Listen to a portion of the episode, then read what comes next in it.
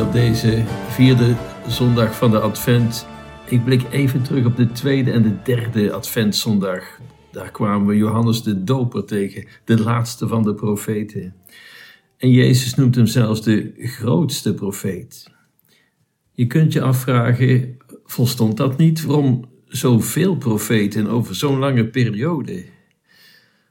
Om de weg te bereiden, de historische weg voor Christus om de wortels te planten in de historie, in de mensenhistorie. Om te laten zien dat de hele geschiedenis een voorbereiding is op de komst van Christus. Want als je eens kijkt naar de profeten, al die profetieën, je ontkomt er niet aan. Meer dan 300 profetieën, ik heb ze niet geteld, maar anderen wel. En die komen allemaal exact uit in Jezus leven. Alle profetieën verwijzen ten volle naar Jezus. Tot in de kleinste details toe. Ergens staat, ze zullen dobbelen om zijn gewaad. Ja, wat moeten ze gedacht hebben honderden jaren voor die kruisdood? Waar gaat het over? Of, ook refererend aan de kruisdood, maar dan honderden jaren eerder, ze zullen zijn handen en voeten doorboren. En dat wordt gezegd dat die kruisdood helemaal totaal onbekend was, want het was iets van de Romeinse tijd. Ze dobbelde om zijn gewaad. Ja, het komt allemaal letterlijk uit bij Jezus. Mika in Bethlehem, daar zal het zijn dat hij geboren is. En wie komen we op deze vierde adventszondag tegen? Jezaja. We lezen uit het hoofd, zevende hoofdstuk. Hoe, hoe is de situatie? Het koningshuis van David heeft te kampen met verdeeldheid. Dat is niet best. Het heeft ook geen nakomelingen en het wordt bedreigd met de ondergang. En in deze tragische situatie heeft koning Agas, die is koning in die tijd, nog alleen vertrouwen in militaire bondgenootschappen. En, en hij, nee, ik vraag geen teken, zo zegt Agas tegen Jezaja. Ik vraag niet om een teken, ik wil de Heer niet op de proef stellen. Dat, dat is geen nederigheid, maar hij heeft er gewoon geen vertrouwen meer in. En wat gebeurt er? God zal hem ongevraagd een teken geven. De geboorte van een zoon, de erfgename van zijn troon. En een erfgenaam die zal regeren in eeuwigheid. Ja, gewone erfgenamen die regeren een tijdje en dan is de beurt aan de volgende, totdat hij sterft. Maar geboren en erfgenaam op de troon in eeuwigheid. Ja, wie kan anders bedoeld zijn dan God zelf? Wat kan hiermee bedoeld zijn? Het is een uitnodiging om te geloven. Vertrouwt je het niet, dan houdt je het niet. Zo zegt ook Jezaja. Heel deze profetie toont aan dat achter het onmiddellijke uh, messiaanse plan, dat dat ontluikt. En wat zegt Jezaja dan letterlijk? Zie, de jonge vrouw, de maagd, zal ontvangen en een zoon baren, en zij zal hem noemen Immanuel, God met ons. Voor de tijd van Jezaja zelf moet dit onbegrijpelijk hebben geklonken, een maagd die zwanger zal worden en zal regeren in eeuwigheid. Wat kan dat toch betekenen? Matthäus, we horen hem in het evangelie van deze vierde adventszondag. In zijn eerste hoofdstuk wat zegt hij? De geboorte van Jezus vond plaats op deze wijze. En dan verhaalt hij in het kort hoe het zal gaan. Zijn moeder Maria, verloofd met Jozef, bleek, voordat ze gingen samenwonen, zwanger van de Heilige Geest. Zeker, Maria had ingestemd. De engel Gabriel, die vroeg haar medewerking. Haar medewerking om de moeder te worden van God zelf van de Zoon van God. Hoe zal dit geschieden? Dat is een vraag die impliceert dat ze meteen eigenlijk haar instemming gaf in haar grote geloof. En, en dat hield nogal wat in, want als je als ongetrouwd meisje in die tijd zwanger was, dan stond je allerlei ellende te wachten tot aan steniging toe. Maar ze vertrouwde op de Heer dat het goed zou komen. Ze stemde in, zie de dienstmaagd des Heren. En, en dan, ze blijkt dus zwanger te zijn voordat ze gaat samenwonen. En Jozef, de aanstaande echtgenoot, ja, die merkt dat. En een rechtschapen man. Die wil Maria niet in opspraak brengen. Hij denkt, ik zal stilletjes van haar weggaan. Niet om zichzelf, maar om Maria niet in opspraak te brengen. Maar ook hij, in een droom, in een droom komt er een engel die hem ingeeft. Jozef, zoon van David, wees niet bevreesd, Maria, uw vrouw, tot u te nemen. Het kind in haar schoot is die van de Heilige Geest. Ze zal een zoon ter wereld brengen die gij Jezus moet noemen. En wat zegt hij dan, Matthäus? Hij citeert dan letterlijk Jesaja. Dit alles is geschied opdat vervuld zou worden wat de Heer gesproken heeft door de profeet, die zegt, en dat is de profeet Jesaja, zie, de maagd zal zwanger worden en een zoon ter wereld brengen, en hem zal hem de naam Immanuel geven. De geschiedenis beweegt zich naar een hoogtepunt. Als je heel de mensgeschiedenis bekijkt, dan is het het verhaal van God met de mensheid en die kun je in een paar hoofdstukken opdelen. Het begint ermee met God die zijn zegen uitspreekt over de wereld, over het heelal, over de mensen. Maar dan, het gaat mis, de erfzonde.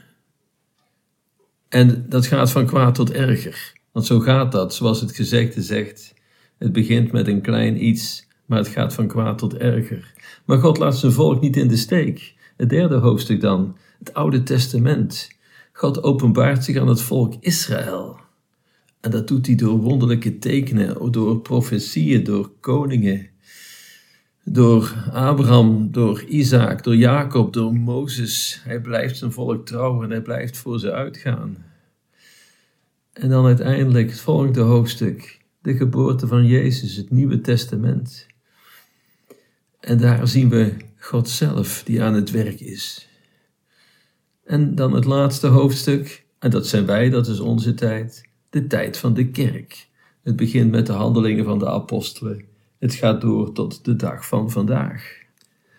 En voor ons is het zaak de tekenen van de tijd te verstaan. En die zijn er. Kijk eens naar die tijd rondom de geboorte van Jezus zelf. Maria die een teken kreeg Jozef die een teken kreeg. En ze wimpelde dat niet weg. Ze wimpelde dat niet af van wat is dit allemaal. Nee, ze verstonden het. Ze beseften de authenticiteit. Denk ook aan de herders. Een kind in doeken gewikkeld, de Messias. En ze hoorden engelen zingen. En ze dachten niet van, wat zit ik nou toch te dromen?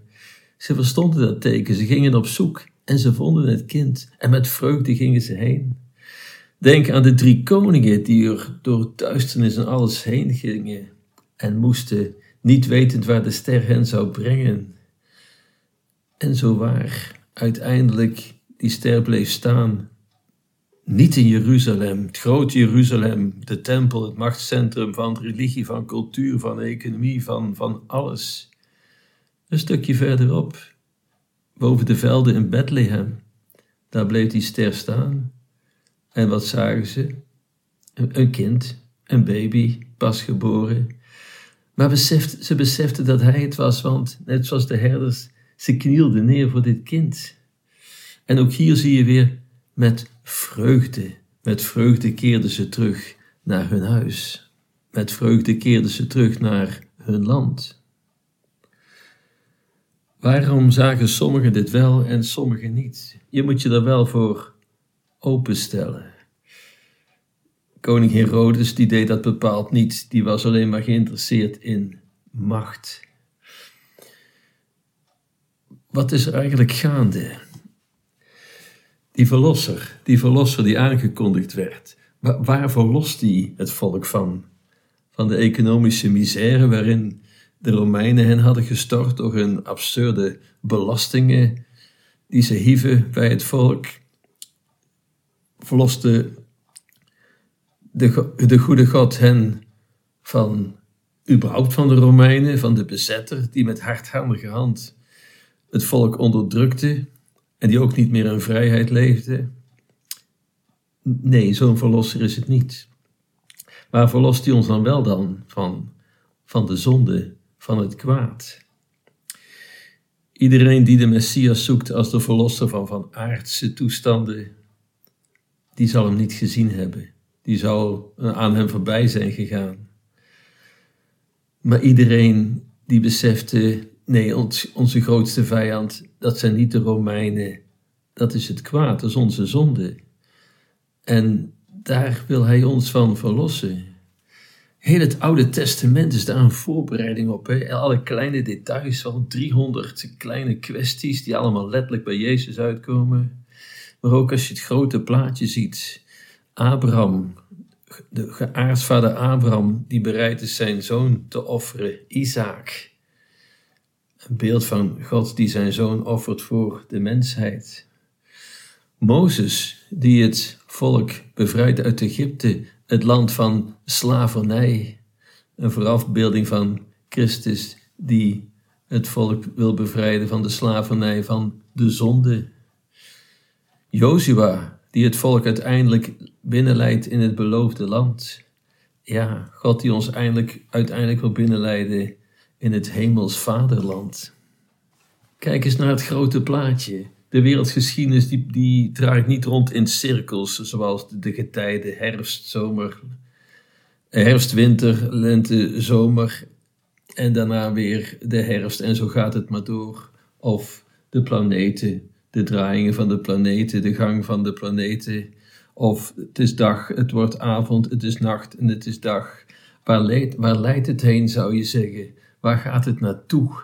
Waarschijnlijk niks. Het is een herhaling van dingen. Ja, dan kom je tot een conclusie dat het allemaal zinloos is. Maar dat is niet de Bijbelse notie. Het, de tijd beweegt zich ergens naartoe.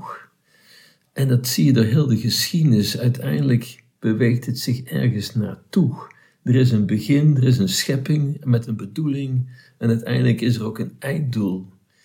En op het hoogtepunt van de tijd, dat is het hoogtepunt van de openbaring, God zelf openbaart zich en maakt kenbaar wat hij met het ons voor heeft. Laten wij de tekenen van de tijd verstaan. Laten we opgaan naar Bethlehem met het geloof van Maria en Jozef, met de herders en de koningen die de tekens verstonden en die uiteindelijk het kind vonden en met vreugde hun leven weer oppikten. Laten wij dat ook doen. De tekenen van de tijd verstaan met geloof en met vertrouwen. Dan zal de vreugde van kerstmis des te groter